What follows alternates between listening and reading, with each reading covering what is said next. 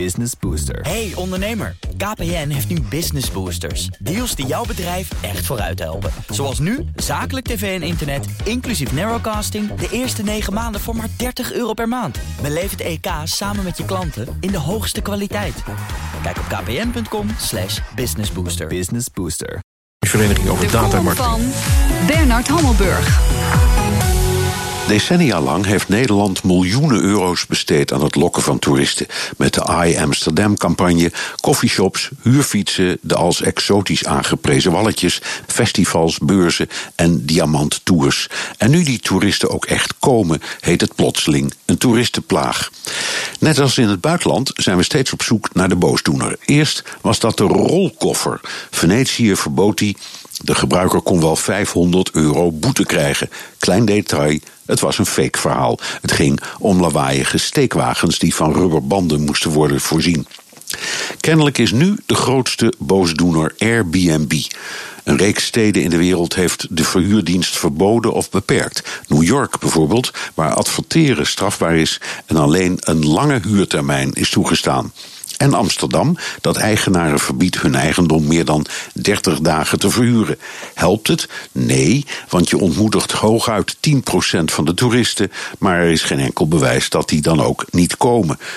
Toeristenbelasting verhogen dan? Komen er dan minder toeristen?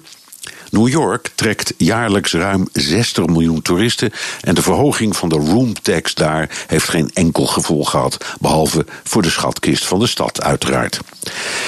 Kijk trouwens eens naar de juichende website van I Amsterdam, die de buitenlanders gewoon blijft lokken met de rondvaart, de huur, de fiets, de cafés, musea, het nachtleven en het winkelen in de binnenstad.